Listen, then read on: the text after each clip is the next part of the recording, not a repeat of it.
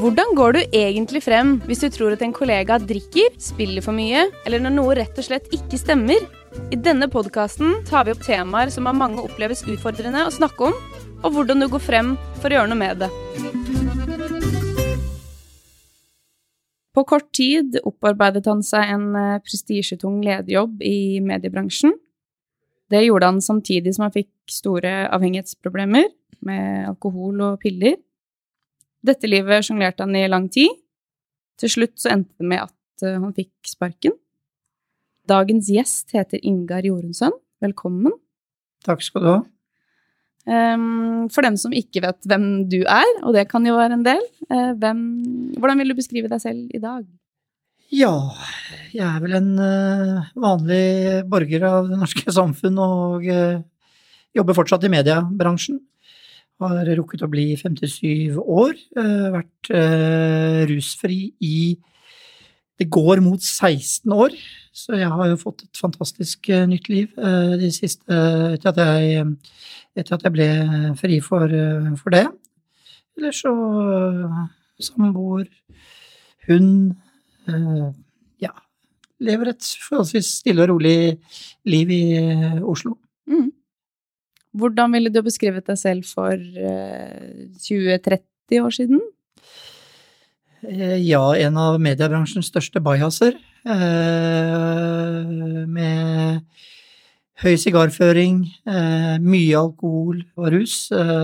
Spesielt da jeg er blandingsmisbruker. Jeg sier er. Rusmisbruk er ikke noe du var, det er noe som følger deg resten av livet. Forskjellen er at jeg ikke ruser meg. Dette er en sykdom. Så da var jeg vel den som alltid var mest full og mest gæren på alle tilstelninger og eh, skapte problemer for eh, både kollegaer og andre.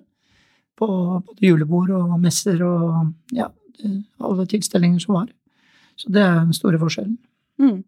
Hvis vi går litt eh, tilbake i tid, da. Du har jobba med salg store deler av livet, eller hele livet? Siden jeg var Min mor sa til meg da jeg var bitte liten at Ingar, enten så kommer du til å bli skuespiller, eller så kommer du til å bli eh, skraphandler.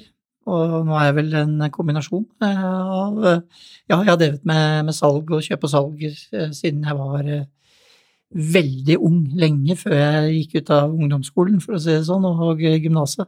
Så jeg begynte tidlig, mm. og hadde tydeligvis en, en hang og en, en Naturtalent, naturtalent, kan, si kan du si, mm. for det. Mm.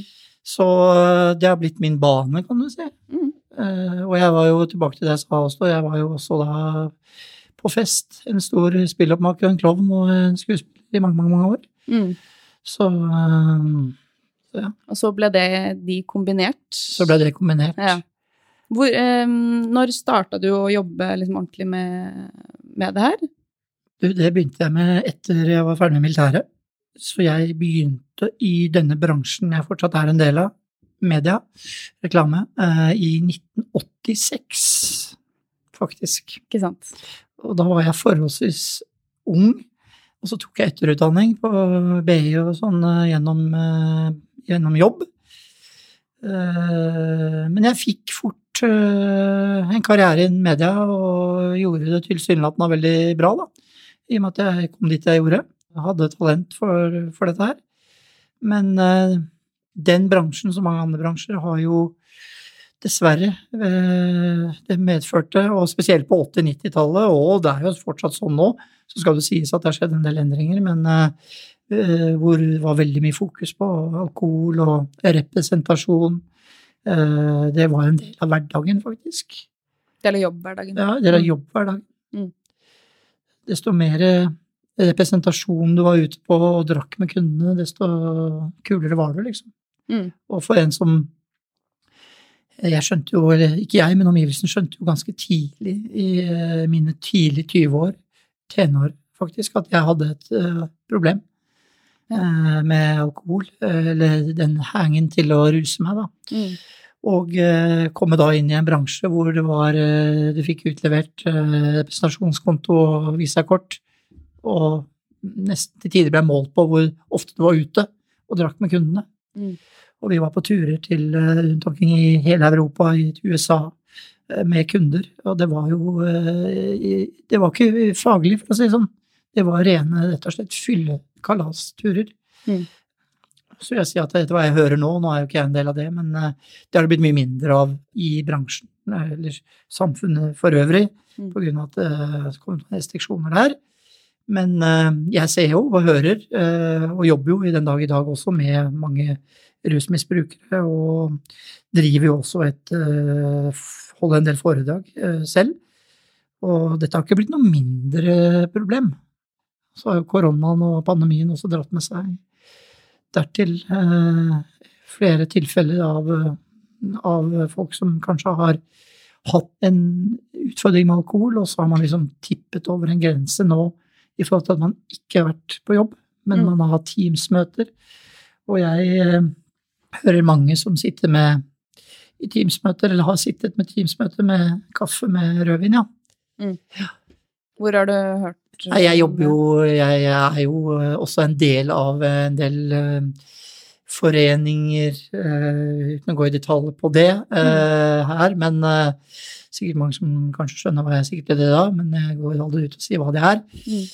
Hvor vi får veldig mye nye mennesker inn som har vært stordranke, som jeg kaller det, og som har tippet over, og uh, forteller historier hvor de da har, på grunn av at man slipper å møte ledere kun på Teams, uh, har da vært sittet og drukket alkohol gjennom hverdager og gjennom møter. Og det har de aldri hatt muligheten til tidligere, fordi da har man jo vært fysisk nære, og da lukter det, og det ser man. Mm. Så dette har nok utviklet seg mer, og det er en del mørketall der som vi ikke ennå kanskje aldri kommer til å se, eller som eh, kommer opp på overflaten etter hvert. Mm. Og jeg ser også i disse såkalte foreningene, som jeg velger å kalle det, veldig mye tilskudd av veldig mye nye mennesker. Mm. Mye unge mennesker som kommer til oss og trenger hjelp fordi de ikke klarer å mestre enten alkohol eller de fleste tilfeller, og det skremmer meg, eller skremmer meg, gjør det vel ikke, eh, for det er egentlig ikke noe nytt, heller. Men eh, narkotiske stoffer tar jo mer og mer over. Det er mer blandingsmisbrukere nå enn det har vært tidligere. Mm. Før så var det den gode gamle alkoholikeren som satt med frakk og drakk i benk på benken i parken. Han, hun ser du sjelden lenger. Nå er det alkohol, kokain, for min del også veldig mye når jeg var aktiv. Uh, mye valium, Sobril, for å justere de verste panikkangstene og skjelvingene, så jeg helt tatt kunne gå på jobb mm. og fungere til en viss grad. Mm. Uh, og det fungerte, hvis jeg kan bruke det ordet, i mange år. Ja, hvor lenge klarte du å balansere det her eh, livet med avhengighet mm. og lederjobb og bare fortsette kjøret? det er et under. Eh, det er jo forferdelig slitsomt. Eh, du lever på en livsløgn. Men eh, rusmisbrukere, det fins vel ingen som er bedre. Vi er, jo, vi er jo manipulatorer. Vi klarer å manipulere alle. Vi lyver for oss selv, og vi lyver for omgivelsene. Vi dekker over. Men det verste av alt, det er jo at man klarer jo da å opparbeide seg noen allierte da, på arbeidsplassene som også er med og dekker over for det. Ja, hvordan da? Nei, de, de syns jo da synd på det. De sier at det er noe som er feil. Og så bruker jo andre metodikker da, i forhold til at det er problemer hjemme gjennom noe samlivsbrudd. Altså, man blir jo en lystløgner. Så får man sympati. Så vet jo kanskje andre personer at ja, Ingar han må jo ha noe problem med alkohol. for dette er ikke. Men så lar de være å rapportere inn fordi de syns synd på og mm. tenker det at dette løser seg sikkert når alle disse andre utfordringene som han har, løser seg. Men det er jo, det er jo en livsløgn. Altså, det blir bare verre og verre. Og det var det som skjedde for meg òg. Jeg klarte av en eller annen merkelig grunn sånn sett å holde dette i gåseøyne skjult i mange, mange, mange, mange år. Inntil en vakker dag. Abstinensene på alkohol ble jo så alvorlig. Til slutt så klarer du ikke å gå ut av døra uten å ruse deg. Jeg kunne ikke drikke, for det lukta jo. Men når du, har, når du drikker hver dag, så er det klart det lukter av det. Selv om du ikke er full når du kommer på jobben. Det lukter jo sprit av kroppen din. Dette ble jo oppdaget, men jeg brukte jo da som eh, argument at jeg hadde vært ute med kunder. Til og med på mandager. Mm. Men helgene ble jo bare lenger og lenger, så etter hvert så var jo ikke jeg på jobb på mandag og sånne ting. Ikke på tirsdag heller, for jeg kom meg jo ikke på jobb. Mm. Og da begynte man jo etter hvert, noen, å sette spørsmålstegn når man uteblir fra møter og sånne ting. Eh, og jeg er ganske Det er vondt å tenke på. Jeg har jo Mine foreldre er døde nå. Men uh, for mange år siden så fikk min mor påvist en uh, type en, en, ikke en, ja, type svulst på hjernen, da. Og det brukte jeg jo for alt det var verdt. Når folk spurte meg hvorfor jeg ikke, så måtte jeg på sykehuset ved hjelp av min mor. Mm. Eh, hun var jo ikke syk. Det var jo ikke alvorlig da. Så jeg har jo i den dag i dag så gremmes jeg over hvordan jeg kunne bruke andres sykdom til fordel for å slippe unna sjøl. Mm. Dette trodde man jo på, men, eh, så dette varte i veldig, veldig mange år. Men det som er spesielt å se, eller høre, når jeg da la kortene på bordet for 16 år siden, og snakket med en del av mine tidligere kollegaer, de som rapporterte til meg, da det ingen av de visste det var noe. Jeg var jo på en periode veldig mye i London og jobbet eh, der nede. Hadde alltid med meg en alliert. Han måtte gjennomføre møtene. Jeg satt på pub. Jeg sa jeg satt på hotellet og jobbet med budsjetter og sånne ting. Sendte han i møter. Når han hadde gått ut av hotellet, kasta jeg meg i taxi, og jeg rett på bar. Og jeg holdt jo stilen, så jeg var jo pent kledd, ikke sant. Jeg gikk alltid i dress og gullmansjetter, og så var jo unektelig flott og fin ut. Mm. Holde på fasaden. Og fasaden var ekstremt viktig. Og når man kommer på et sånt nivå, så klarer man også å holde promillen veldig skjult. Så dette også pågikk, men når, når, dette da kom for en dag, så begynte folk å legge sammen øh, to pluss to. Mm. Og huske episoder. Og begynte å peke på seg selv at fader, hvor dum jeg har vært som ikke så det. Som jeg sier, vet du hva, vi igjen, vi blir verdensmestere til å lyve og manipulere. Jeg vil si, gå så langt og si at i det, når jeg var aktiv rusmisbruker, jeg var psykopat, du blir psykopat og en type narsissist som kun er opptatt av deg og ditt. Nå sier jeg deg og ditt, eller mitt, da. For å slippe unna og kunne leve med dette her. Og alt annet betyr ingenting. Mm. Andre mennesker, relasjoner, spiller ingen rolle så lenge jeg fikk det jeg skulle av øh, alkohol og annen type rus, og kunne jobbe for å tjene opp penger til å beholde fasaden. Mm. Kjøre fin bil, være ute blant gutta, være høy og mørk, og trodde jeg var storkar, vet du. Mm. Ja. Og så begynte det å røyne på, det, mm. etter hvert. For var det Jeg tror jeg har lest at det var et, uh, et møte med en kunde hvor uh, denne kunden merka at her er det et eller annet? Det er helt korrekt. Uh, da klarte jeg ikke å beholde fasaden. Jeg, som jeg nevnte, jeg ble jo blandingsmisbruker, og når jeg første gangen startet eh, med Sobril og Valium i 1997. Jeg husker Det er ganske sykt hvordan jeg husker en del datoer og årstall, fordi det sitter brent inn. Eh, da gikk jeg til legen. Jeg skjønte at eh, jeg måtte Da hadde alkoholen fått så mye konsekvenser at den reparasjonen og sånn jeg gjorde på søndager roe meg, det, det var liksom ikke lenger godt nok, for da jeg våknet på mandager, så var det så jeg var så dårlig, så jeg klarte ikke å komme meg på jobben. Så hold deg fast. Jeg hadde en god kamerat som var lege. Han er fortsatt lege. Han skrev ut de første valiumtablettene til meg, for han brukte det sjøl. Han også er eh, Jeg har ikke sett han på mange, mange, mange år. Han var også hva jeg vil definere som stordranke, men operasjonslege på sykehus. Ja, ja. Han brukte valium før han skulle inn i operasjoner. Ja da. Mm. Ja. Så han skrev ut det første til meg, og det var som å komme til himmelen. I starten, lang historie kort, så holdt det med å ta én og to sånne om dagen. Men som alt annet så øker man toleransegrensene, så til slutt så tygde jeg 20-30 sånne Sobril og Valium om dagen. Ja. Og det er klart det at det, det gjør noe med deg. Det kan jeg love deg. Mm.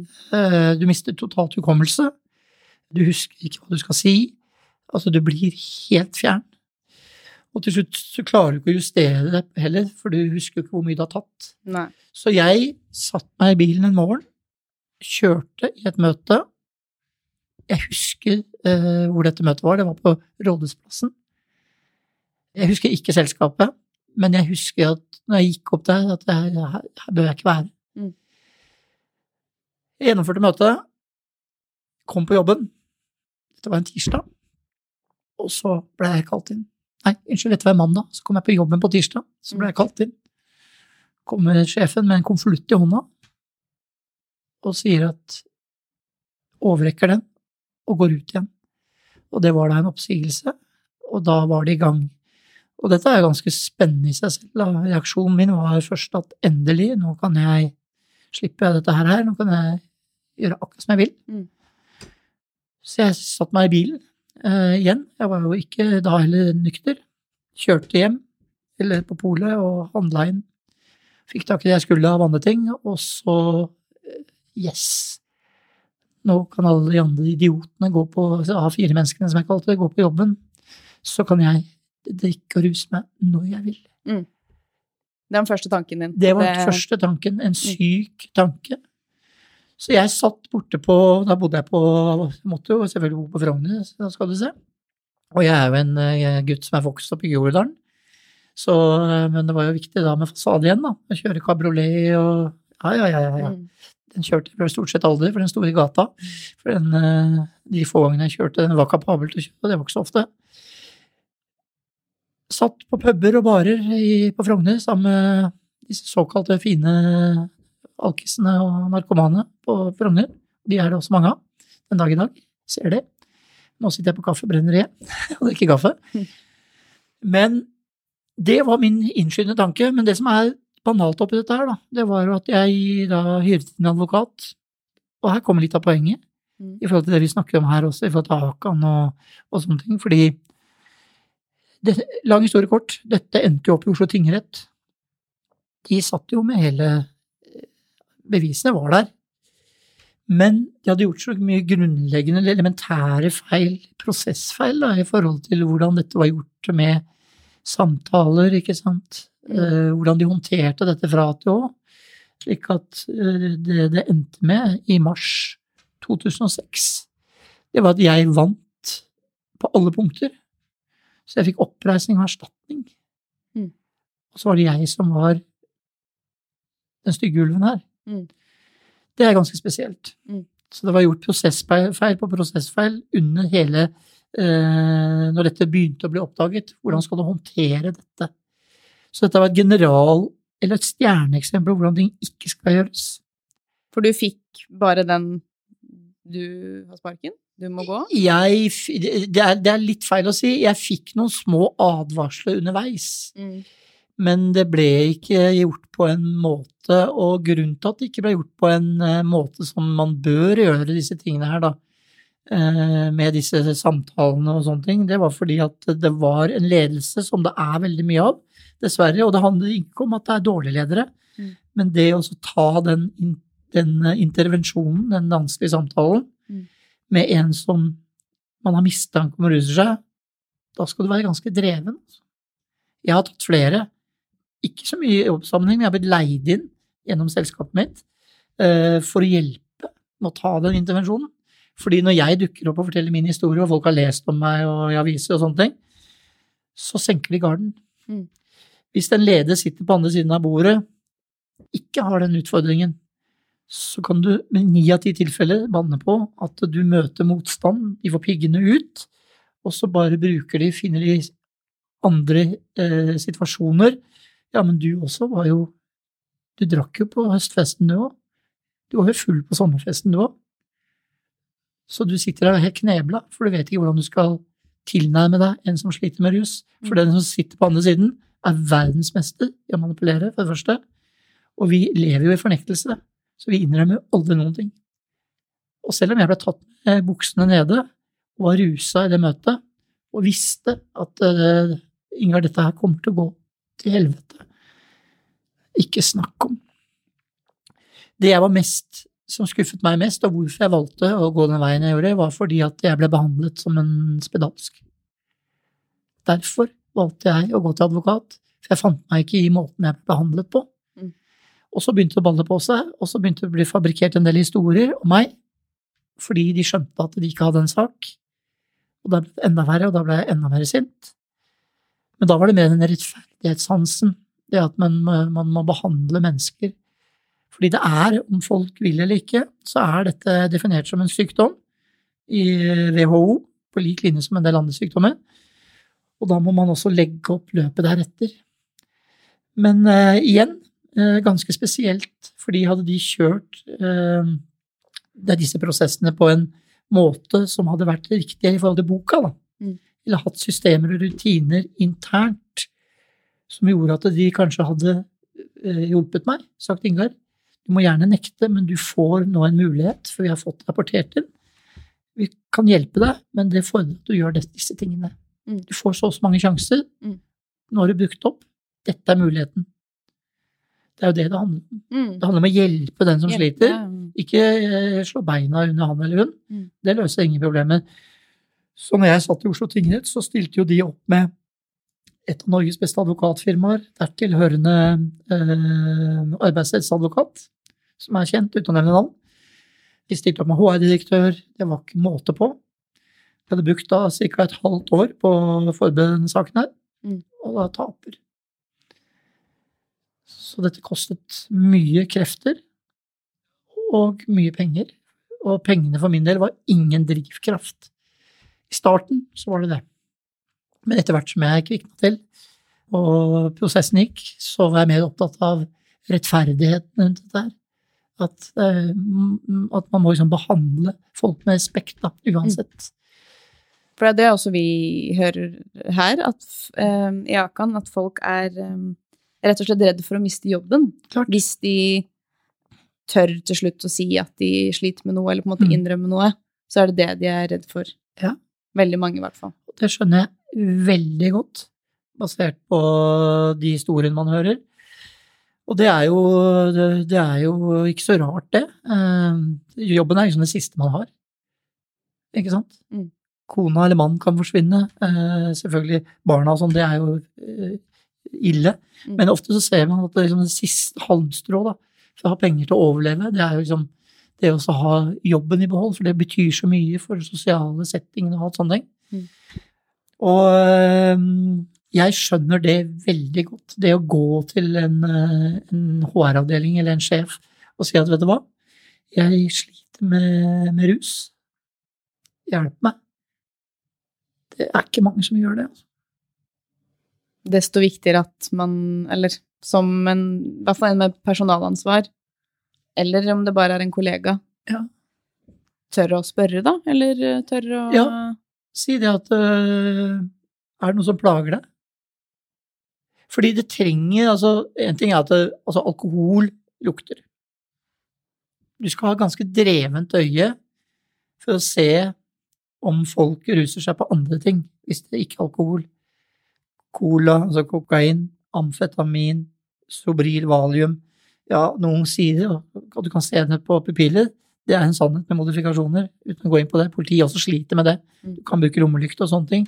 Du kan ikke møte en person i en samtale og si at du ser på pupillen din at du har røkt hasj, liksom. Nei. Da kan du falle godt igjennom, for det har noe med lyssetting mange ting, stressfaktorer og sånn å gjøre. Men det er ytterst få jeg ser det er så ubehagelig å ta opp eh, den problematikken, fordi det er mye stigma, da.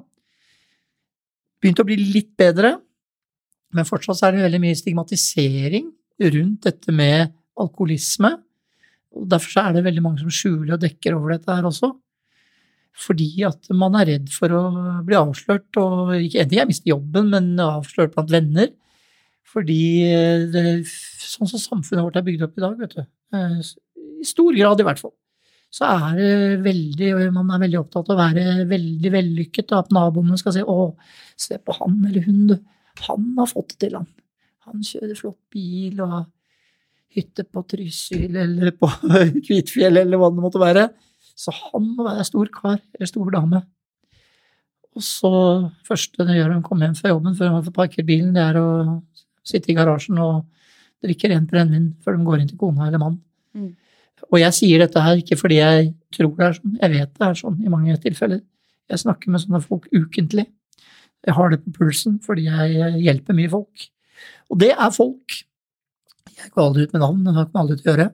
Men det er folk du kanskje leser om i avisen hver dag. Mm. Folk i ulike roller.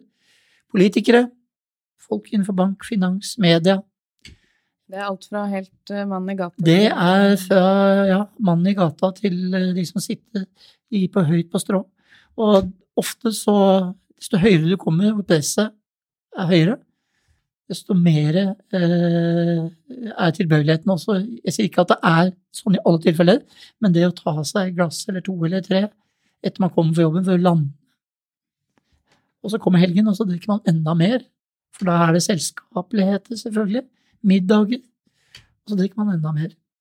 Så vi lever jo i et samfunn hvor alkohol har blitt eh, en stor del, veldig stor del av hverdagen til folk.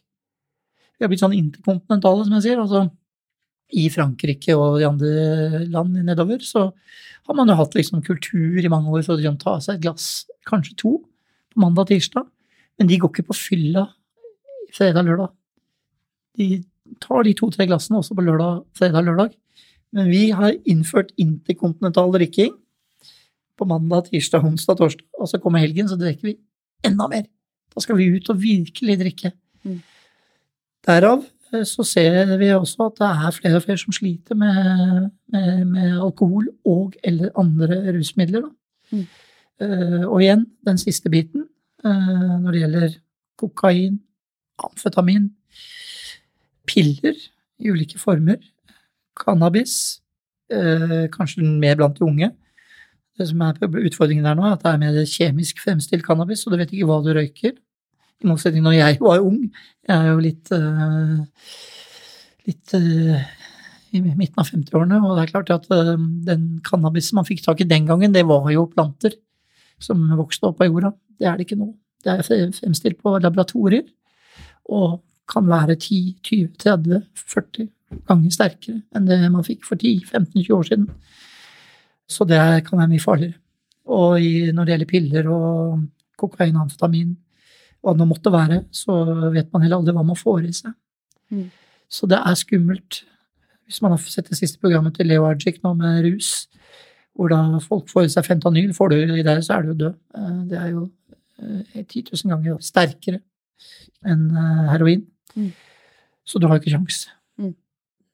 Du trenger knapt å få det i deg. Du trenger at du åpner en pose og bare puster inn, så kan du jo dø av det. Mm. Så vi har jo hatt noen dødsfall i Norge, eh, dessverre, blant unge folk den siste tiden, som har fått i seg tydeligvis da fentanyl. Så det skremmer meg litt når man ser unge mennesker i dag som, som tar veldig lett på dette her, at eh, nei, det skjer ikke meg. Men det sa jeg jo. Mm. Hvis vi går litt tilbake igjen, du, du mister jobben og står jo da mm. uten jobb. Eh, får du noe hjelp etter hvert? Får du noe Hvordan utvikler livet seg videre da? Ja, jeg, jeg eh, Lenge før dette så Jeg slutta jo å gå i postkassa, da, fordi eh, Jeg har skjønt det i ettertid, da, men det lå veldig mye brosjyrer fra Vangseter og dertilhørende type klinikker jeg hadde jo veldig mange innleggelser på akuttinstitusjoner, for jeg ble så syk at jeg klarte jo ikke klarte jo ikke å rett og slett å ta vare på meg selv, for å være helt ærlig. Jeg, eh, når jeg først startet på, på disse rundene, så etter å ha mistet jobben, så ble jeg jo, som jeg kaller det, og som jeg sier til folk eh, Jeg ble jo et vandrende medisinskap og en heltids uh, uh, alkoholiker. Når jeg snakker om heltid, jeg jobbet jo ikke på et år, et år. Jeg kunne ikke jobbe, klarte ikke å gjøre noen ting. Mm. Jeg drakk døgnet rundt og rusa meg på andre ting. Og ble lagt inn på diverse eh, avrusningsinstitusjoner, men det er jo ikke noe det gjør ikke noe annet enn at du får rus, avrusning, og så får du medisiner og mat, og så blir du sendt ut igjen. I februar 2006 så ble jeg lagt inn på Trassoppklinikken. Da hadde jeg i hvert fall kommet såpass langt at jeg etter å ha vært på poliklinisk der og fått kartlagt litt, så ville de ha meg inn på dagen.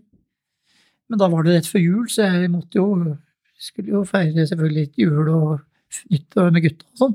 Det var jo viktig. Så fikk det der komme i andre rekke, da. Mm. Eh, så det ble jo en julefeiring, ja. Det kan jeg love. Mm. Men jeg ble lagt inn da tredje nyttårsdag i 2006. Og var der i, på terrasseklinikken i seks uker. Fikk tilbud om langtidsopphold, men det selvfølgelig Jeg var jo mye bedre enn alle andre, så jeg, jeg var jo ikke like mye alkoholiker eller misbruker som alle andre. Alle var mye verre enn meg. Ja. Så jeg hadde jo ikke tid til å være der. Jeg hadde så mye annet jeg måtte ordne. Det var jo ikke det. Jeg hadde jo ikke Nei. jobb engang. Så, så jeg ler jo av det i dag. Eh, men eh, så eh, husket jeg min far kom og hentet meg. Så skulle jeg, så husker jeg, det kommer jeg aldri til å glemme. Han spurte skal du komme hjem til mor og meg i kveld og så på en god middag. Og så sa jeg det at nei, nå trenger jeg være litt for meg sjøl. Dette var en fredag. Så henta jeg bilen min, så dro jeg rett på polet. Kjøpte jeg en, eh, måtte ha litt konjakk og rødvin og litt sånn og feire, da, vet du, at jeg hadde vært så flink. Rett fra Rett fra Terrasseklinikken. Ja. For da hadde jeg selvfølgelig skjønt at hadde jeg skjønt at dette klarer jeg å takle sjøl. Dette fikser jeg. For nå hadde jeg vært på, sittet på skolebenken i seks uker. Det var ikke noe stress. Det sa jeg til de behandlerne der oppe. Og de bare rista på huet. Og det Jeg så høy og mørk, vet du, at det er, det er nesten Ja, jeg ler av det i dag. Og det halve året der var det verste året i livet mitt, håper jeg. Mm. For det gikk rett i dass. Det ble bare enda verre. Så det halve året fra jeg kom ut i februar til jeg ble rusfri i midten av juli 2006, det var som å være i et helvete. Det unner jeg ingen. Mm. Det ble bare verre. Ti ganger verre. Altså. Hvorfor det, tror du? Nei, jeg mista helt eh, grepet på, på alt. Og da hadde du jo ingenting å gå ingenting til. Ingenting å gå til. Så da ble jeg fast inventar i, på, på, alle rusningsinstitusjoner i Oslo. Og det som er enda sykere, eh, var at jeg trivdes med det. Jeg syntes det var ålreit å være der. Ja. For da hadde jeg gitt opp. Ja. Da hadde jeg funnet ut at jeg trodde at dette er det nye livet. Så oppi det banale her, så, så, hadde jeg mine klare øyeblikk. Så ble jeg ringt opp av et headhunterfirma. Jeg hadde en bra eh, Jeg hadde klart meg bra til tross for. Mm. Så skulle de ha en eh, salgssjef i et medieselskap. Stort, ganske stort. Og jeg husker at han som satt på det oppdraget, han kjente jeg fra tidligere, så han, vi møttes på, på en restaurant på første samtale på Solli plass. Jeg bodde rett ved. Da var jeg da var jeg kan huske, i hvert fall tilsynelatende nykter, i hvert fall. Og så kjørte vi noen runder, eh, og den jobben fikk jeg. Jeg skjønner ikke den dag i dag at det er mulig. Men eh, det, den eh, Når jeg satt og dealet, eller diskuterte, heter det betingelser med de, så satt jeg da på en avrusningsinstitusjon på Montebello-klinikken når den var oppe en running, da. Den Montebello ligger eh, på Montebello på. Et fantastisk sted som nå er nedlagt, dessverre, som Oslo kommune har valgt å legge ned. Der hadde jeg klippekort uh, i en periode, og uh, da satt jeg der oppe og forhandlet lønn. Og skulle begynne da 16. august. Og var helt på bærtur. Og hadde fått jobben. Og da skulle jeg da begynne der, og skulle være sommerferie imellom, så da tenkte jeg nå nå må jeg skjerpe meg. For jeg antar at du ikke sa noe om Nei. problemene til Nei. denne nye Nei. jobben? Nei, det kunne jeg ikke gjøre. Men nå hadde jeg i hvert fall fått jobb på plass. Mm. Men det, når rusen tar fullstendig overhånd, så var ikke det så viktig. Men det som skjedde, da, det var at jeg eh, med tid og stunder reiste sammen med en god venn av meg til Tyrkia. Vi skulle ned og slappe av litt igjen, for jeg skulle begynne en ny jobb. Og så skulle vi se fotball-EM, for det var EM det året, mener jeg, i 06. Eh, og det var ikke EM i Tyrkia, men vi skulle ned og se på TV og hygge oss litt. Igjen. Og det gikk eh, fram til eh, jeg kom på Oslo lufthavn, så var jeg i gang. Det det endte med, var at jeg reiste hjem etter en uke og ble hentet på Oslo lufthavn i sykebil. Jeg husker ikke hva som skjedde, men uh, jeg var jo helt totalt ute av stand til å gjøre rede for meg, og ble hentet med sykebil og ble kjørt til overvåkning på Ahus. Rømte derfra. Tok taxi ned til Drøbak og ble kastet ut av uh, en person som jeg hadde et lite forhold til der, en som bodde der nede la meg inn på Renskau hotell i Drøbak og fikk på polet der. Og satt på rommet der i tre dager og drakk, medbrakt, og bestilte fra minibar nede, så de kom opp med brett. Hadde ikke klær, ingenting, for det lå på Gardermoen i en uh, koffert. Så jeg hadde det jeg gikk og i, så hadde jeg visakort og, og bankkortene mine. Det var det. Og så hadde min kjære, nå avdøde mor, prøvd å få tak i meg i mange dager visste at jeg hadde kommet til Norge, men uh, ingen fikk tak i meg. For jeg hadde skrudd av telefon. Mm. Så når jeg skrudde på den telefonen etter hvert, så Ja. Uh, det det endte med, da, var at uh, jeg kom meg hjem til Oslo. Og så var foreldrene mine der, og så dro fattern opp på Gardermoen og hentet kofferten min. bilen sto fortsatt der. Så det ble en hyggelig, dyr parkeringsaffære. Ikke sant. Men det var ikke det viktigste. Så fikk de lagt meg inn, for da var jeg helt ute av stand til å altså jeg, Alt var bare helt Jeg var sånn på lære, både mentalt og fysisk. Mm. Og så må du ikke spørre meg hva som skjedde, men eh, jeg, jeg, jeg, kommer aldri til å glemme når jeg skulle skrives ut igjen, så kom det en kjempehyggelig sykepleier bort til meg Eh, som hadde vært på Montebello flere ganger, som jeg hadde snakka med, og så sier hun til meg i trappa når jeg hadde vært oppe hos legen, Ingar, du som er en så oppegående og flott mann, sa hun til meg, har du ikke ødelagt livet ditt nok nå?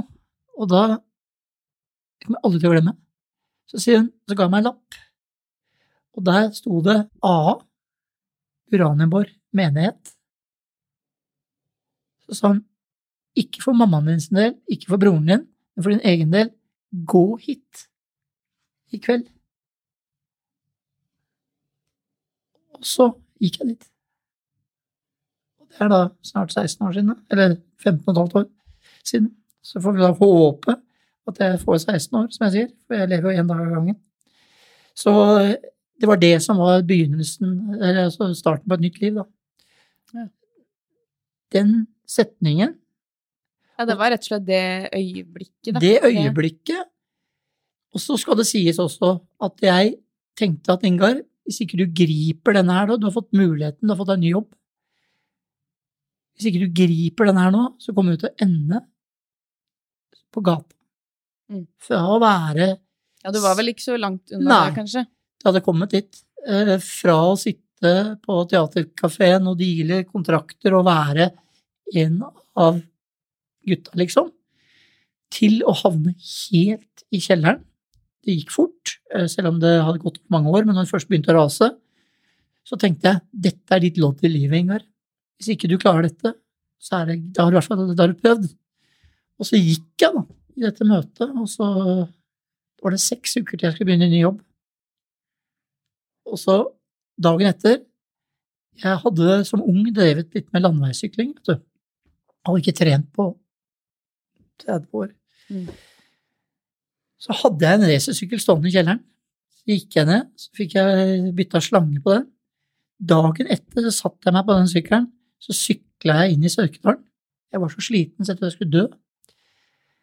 Og så begynte jeg med aktiv, sykla til Trondheim-Oslo. Jeg ble jo aktiv syklist og sykla i mange, mange år, inntil jeg la opp for, uh, for noen få år tilbake. Trener fortsatt, ganske brukbart. Men hele denne kombinasjonen av det å treffe andre som hadde samme problemet, da. Mm. Som, kunne, som, jeg kunne identifisere meg med, ikke sant. Det gjorde at uh, jeg øyna håp, da. Her er det håp. Å treffe mennesker som kanskje har vært enda lenger ned i driten enn det jeg hadde vært. Og det kommer jeg heller aldri til å glemme. Det sitter en kar rundt bordet som jeg fortsatt uh, har kontakt med. Altså, vi møtes jo i ny og ne. Han hadde vært uteligger. Han er ti år yngre enn meg. Han er vel i midten av 40-åra i dag. Han satt der med, med alle til å glemme, han så så innmari fresh og fin ut når han fortalte at han hadde vært uteligger. Han bodde i pappeske bak Nationaltheatret, inne i buskene der, og drakk rødsprit til frokost. Først så trodde jeg han løy, fordi han satt med gantgenser, han så så fin ut. Mm. Hadde kjøpt seg ny leilighet, fått seg ny dame, tenkte jeg. Så skjønte jeg at disse her som satt rundt det bordet, de farte ikke med usannheter. Det var ikke noe tull. Dette var real stuff, liksom. Og så tenkte jeg, så jeg på han, og så tenkte jeg hvis du har klart dette her, det er håp. Og så begynte jeg da i den nye jobben i august, 16. august 2006. Mm. Og siden 18. juli, som min kjære gamle mor, som nå dessverre er død, skrevet i boka si, 18. juli, som var den siste dagen jeg liksom toucha noen ting, mm. så hadde jeg da 15 år nå, 18. juli, som var. Mm. Og så igjen, en dag gangen, så får vi se hva fremtiden bringer. Men uh, det var liksom starten for meg på et nytt liv, da. Mm. Men uh, hadde jeg blitt fanga opp kanskje litt før? Mm. Hadde det vært en arbeidsgiver Hvis noen hadde liksom turt å konfrontere ja, deg nesten, da? konfrontere og si, vet du hva I hvert fall på det nivået hvor du var? Ja, for alle har sagt i ettertid ja, dette her har vi sett i 20-30 år. Mm. At du har hatt slite med masse rusproblemer. Mm. Ingen har turt å si noe til deg, for du ble så sint. Ja. Og man blir jo sint. Mm. Jeg ble veldig mye sint når folk prøvde å peke på meg. Så bare latterliggjorde jeg det, eller pekte utover, ikke sant. Ingen evnet å peke innover. Så hadde noen turt, om det var kollega eller sjef, å si, vet du hva, cut the crap. Du får en mulighet. Griper du ikke den muligheten, så er det ikke sikkert du kan jobbe her lenger engang. Så det, det, er jo der lederrollen kommer inn i bildet, mener jeg, da. Å være så tøff. Og det jeg kaller for, det er jo ikke altså, Det handler om eh, Jeg bruker det ordet, altså. Det handler om det er en tøff kjærlighet, da. Man gjør jo det. Er tøff barna sine fordi man gjør det av kjærlighet, ikke sant. Og det er så viktig, da. Mm. Så er det å ha systemene og rutinene på dette her, så man ikke kommer i den situasjonen man bruker et halvt år på sånne typer som meg når jeg var aktiv, og sitte forberede en rettssak i Oslo tingrett. Mm. Som krever så mye ressurser, og risikere å tape. Pengene er bare en liten del av det, men det, det hele, hele, det løpet opp mot da, mm. krever mye menneskelige ressurser. Da. Og så må man dra inn vitner, ikke sant. Berøre andre på arbeidsplassen som kanskje ikke vil ha noe med dette å gjøre. Så eh, jeg håper jo Jeg jobber jo i dag i et selskap som har virkelig satt dette på dagsordenen. Mm. Vi har jo eh, avtale med Akan, uh, og er en bedrift som virkelig må ta det på alvor, fordi vi, vi har jo, uh, vi har jo en del ansatte som sitter i stillinger som gjør at man ikke kan eller man må ta dette alvorlig. Jeg sier ikke at ikke det gjelder alle, men man jobber i den bransjen som, som jeg gjør nå, som egentlig i utgangspunktet ikke er direkte media, men vi har jo en egen medieavdeling som jeg er leder for, mm. så, så, er det viktig. Eh, og vi har også en HR-avdeling som er veldig på og opptatt av dette med alkohol, eller rus, misbruk for meg. Alkohol, piller, cola. Mm. Altså same, same. Spiller ingen rolle. Rus er rus. Det kan være spilleavhengighet. Satt det veldig på dagsordenen for å hjelpe folk, eh, og at folk kan tørre å senke garden og komme inn til HR, da, i dette tilfellet eventuelt til nærmest leder, og vite at hvis jeg kaster inn håndkleet, så blir jeg ikke kappa hodet av. Jeg får hjelp. Og det er alt det det handler om. Mm. At man føler seg trygg på det. For når du da starter den nye jobben som eh, avholds? Eller altså, mm. da holdt du deg vel unna ja, alt? Ja, alt. Og det har du gjort siden. Hva slags utfordringer møtte du da f.eks. i sånne sosiale settinger, julebord, fredagspilsen? Eh, hvordan opplevde du det? Det er et veldig, veldig godt og betimelig spørsmål. Jeg, får for å si, hva skal jeg bruke ordet, heldig. Eh, det jeg gjorde Jeg samla jo når jeg kom Det første jeg gjorde når jeg begynte ny jobb i 06, det var å legge korta på bordet. Ja, hos jobben. Ja. Jeg kalte inn etter en liten stund, jeg vil gjerne bevise litt først. Det som er helt banalt, som skjedde, det var at han sjefen min, som fortsatt er direktør i det selskapet, som var min sjef da, vi hadde vokst opp sammen. Så han kjente meg igjen. Vi hadde spilt fotball sammen. Men det som var helt fantastisk da oppi dette her, det var at når jeg fortalte historien min, så begynte han liksom å grine. Fordi broren til pappaen hans hadde vært beina alkoholiker, onkelen hans, som han hadde et veldig godt forhold til. Så han og broren hadde vært under Vaterlandsbrua. Der satt de verste gutta i byen. Jeg sier gutta. Noen damer, men på den tida verste gutta. Og drakk rødsprit. Så han var der nede og leverte mat til onkelen sin. Så han visste akkurat hva det var for noe, så han tok meg i sin hule hånd og la opp et løp. Er det noen Ingar noen gang som, som prøver, så kom du til meg, så skal jeg ta håndtere dette her. Så da var jeg home free. Jobbet der i seks år, øh, fikk tilbud om ny jobb. Da kom jeg tilbake til et selskap jeg hadde jobbet i tidligere, hvor det var veldig mye alkohol. Og da tenkte jeg nå samler jeg hele gjengen, for nå er jeg veldig trygg på meg selv, det hadde gått seks år. Fortalte til det som Og da var det folk som hadde jobbet sammen med meg tidligere, mm. Som hadde hørt rykter om at Ingar nå liksom hadde blitt helt fri for dette her og sånne ting. Samla hele Aurland med x antall folk. Sånn er det. Det er aldri noe snakk om. Det var full respekt, ikke noe press.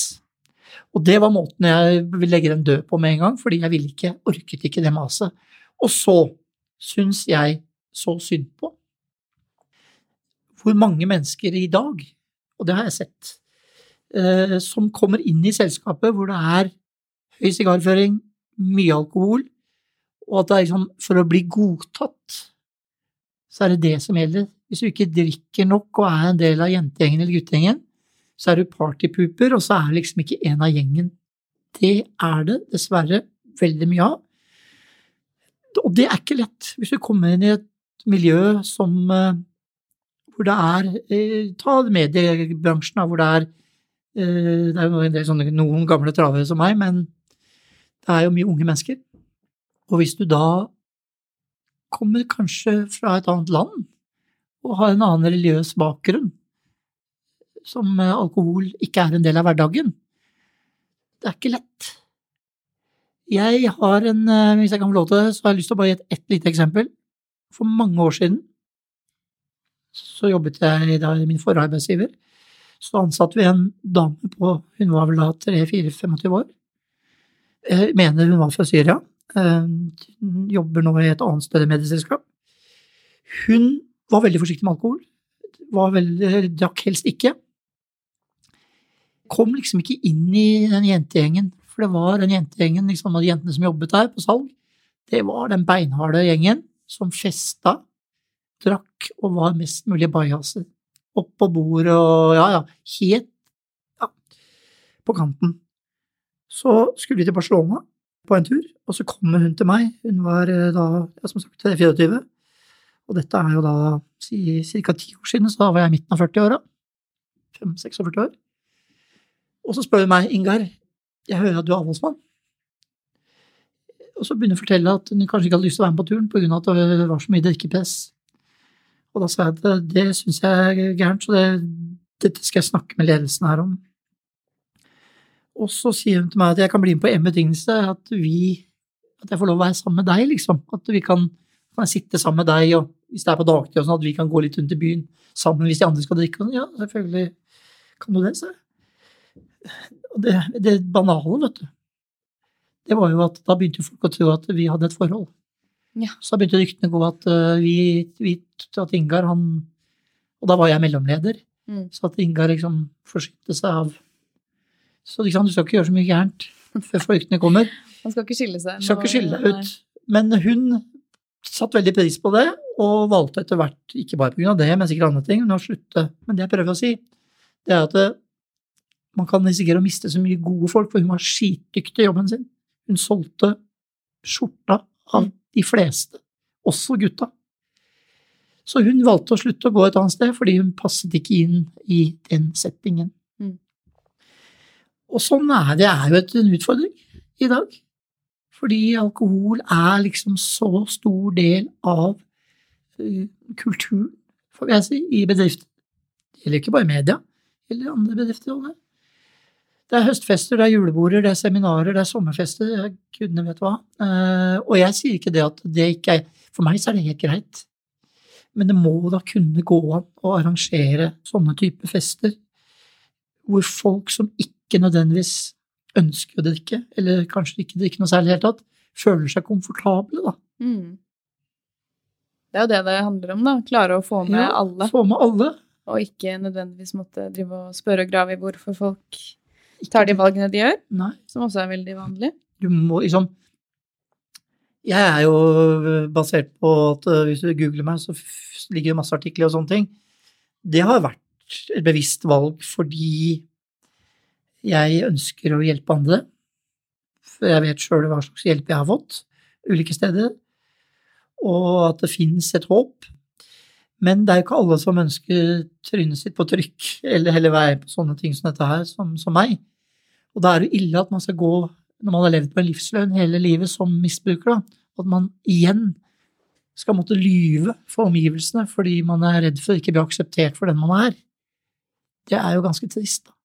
Dere kvinner kan jo si hvis man er på en eller annen fest nei, jeg kan ikke drikke fordi jeg har er gravid eller har vondt i magen eller et eller annet.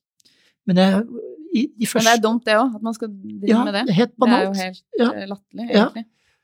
Så jeg har vært veldig åpen. Jeg har fra dag én sagt Og jeg har vært med på en del eh, Jeg velger jo nå på de sosiale setningene jeg ønsker å være med på, ikke veldig selektiv, fordi jeg trives ikke. Eh, hvis det blir for mye alkohol og sånne ting, ikke de fordi at jeg får lyst til å drikke, nei, snarere tvert imot. Jeg syns folk begynner å bli sikkert litt med alder òg, men folk begynner å bli mer og mer tullete når de drikker. Eh, jeg blir mer var på det. Men jeg valgte tidlig å si at nei, jeg kan ikke drikke, jeg tåler ikke, jeg er allergisk, jeg har en sykdom. Men det er jo ganske ille at man liksom må gå helt dit, fordi folk spør, og så er de ikke fornøyd med det svaret de får. Mm. Så det er altså noen ganger jeg har gjort da, for å teste litt, så sier jeg ja, men hvorfor drikker du? Da forsvinner folk. Det vil de ikke svare på. Nei, ikke sant. Ja, hvorfor drikker du? Mm. Klarer du ikke å ha det gøy uten alkohol? Da blir folk helt perplekse.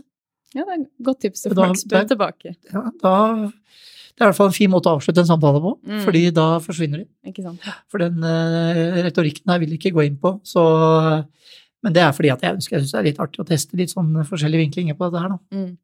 Men uh, men selvfølgelig, dette starter på toppen. Du må jo ha en ledelse som tar tak i dette. Nå har jo HR blitt en stor del av mange selskaper, litt større firmaer i hvert fall. Mm. Så dette må liksom inn i HR-avdelingen, det må forankres på toppen og inn i HR-avdelingen. At dette her tar vi på, på, på alvor. Og um, det skal være rom for alle, man drikker eller ikke.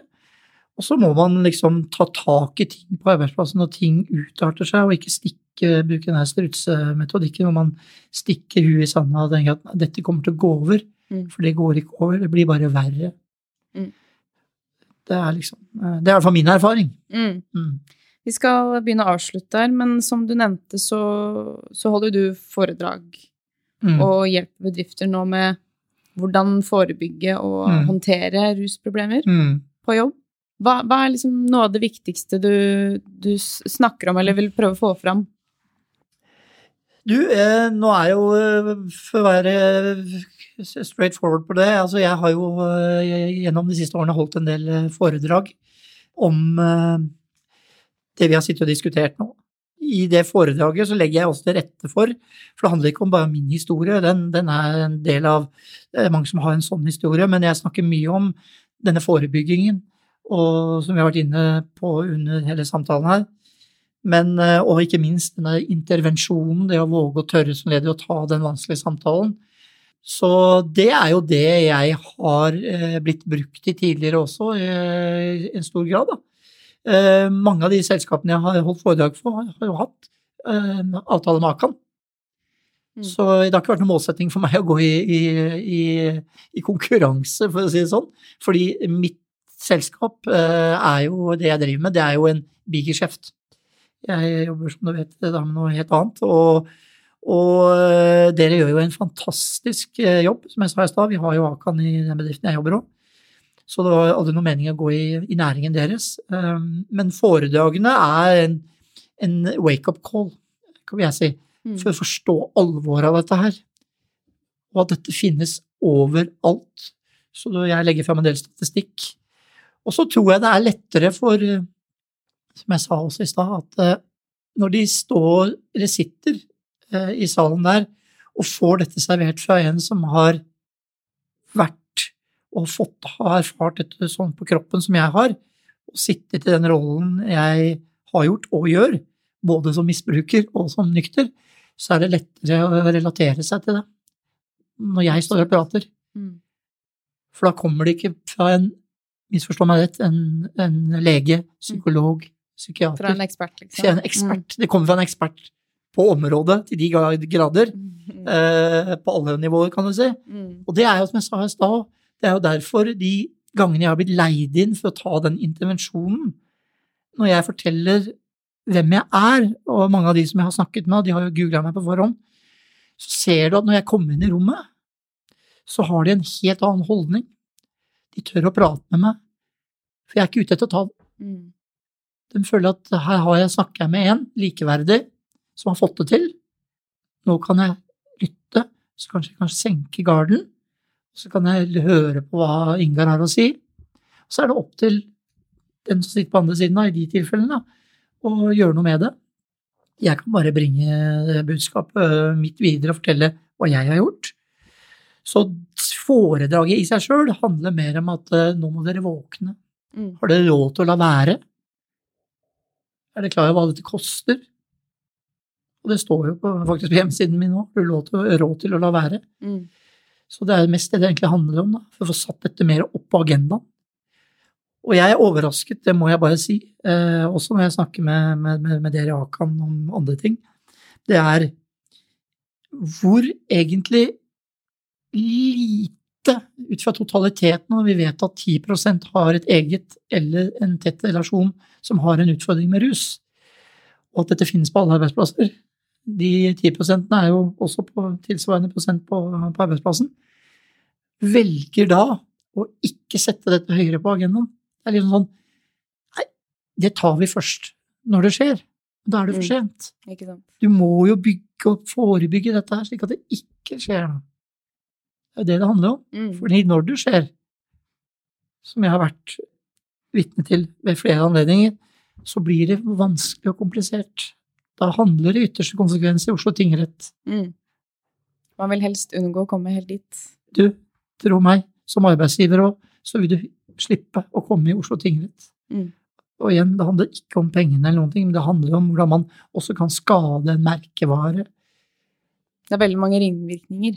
Ja, mange... Alt fra enkeltmennesket, mm. den kollegaen, til uh, ja, den enda større. Ja, det er ringvirkningene som, uh, som vi snakker om her. Mm.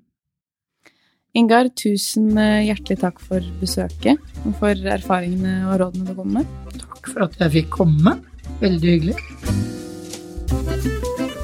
Takk for at du lytta til podkasten. Husk å abonnere, så får du neste episode direkte til mobilen din. Ønsker du mer informasjon om hva du kan gjøre, gå inn på akan.no. Er du bekymra? Ta praten.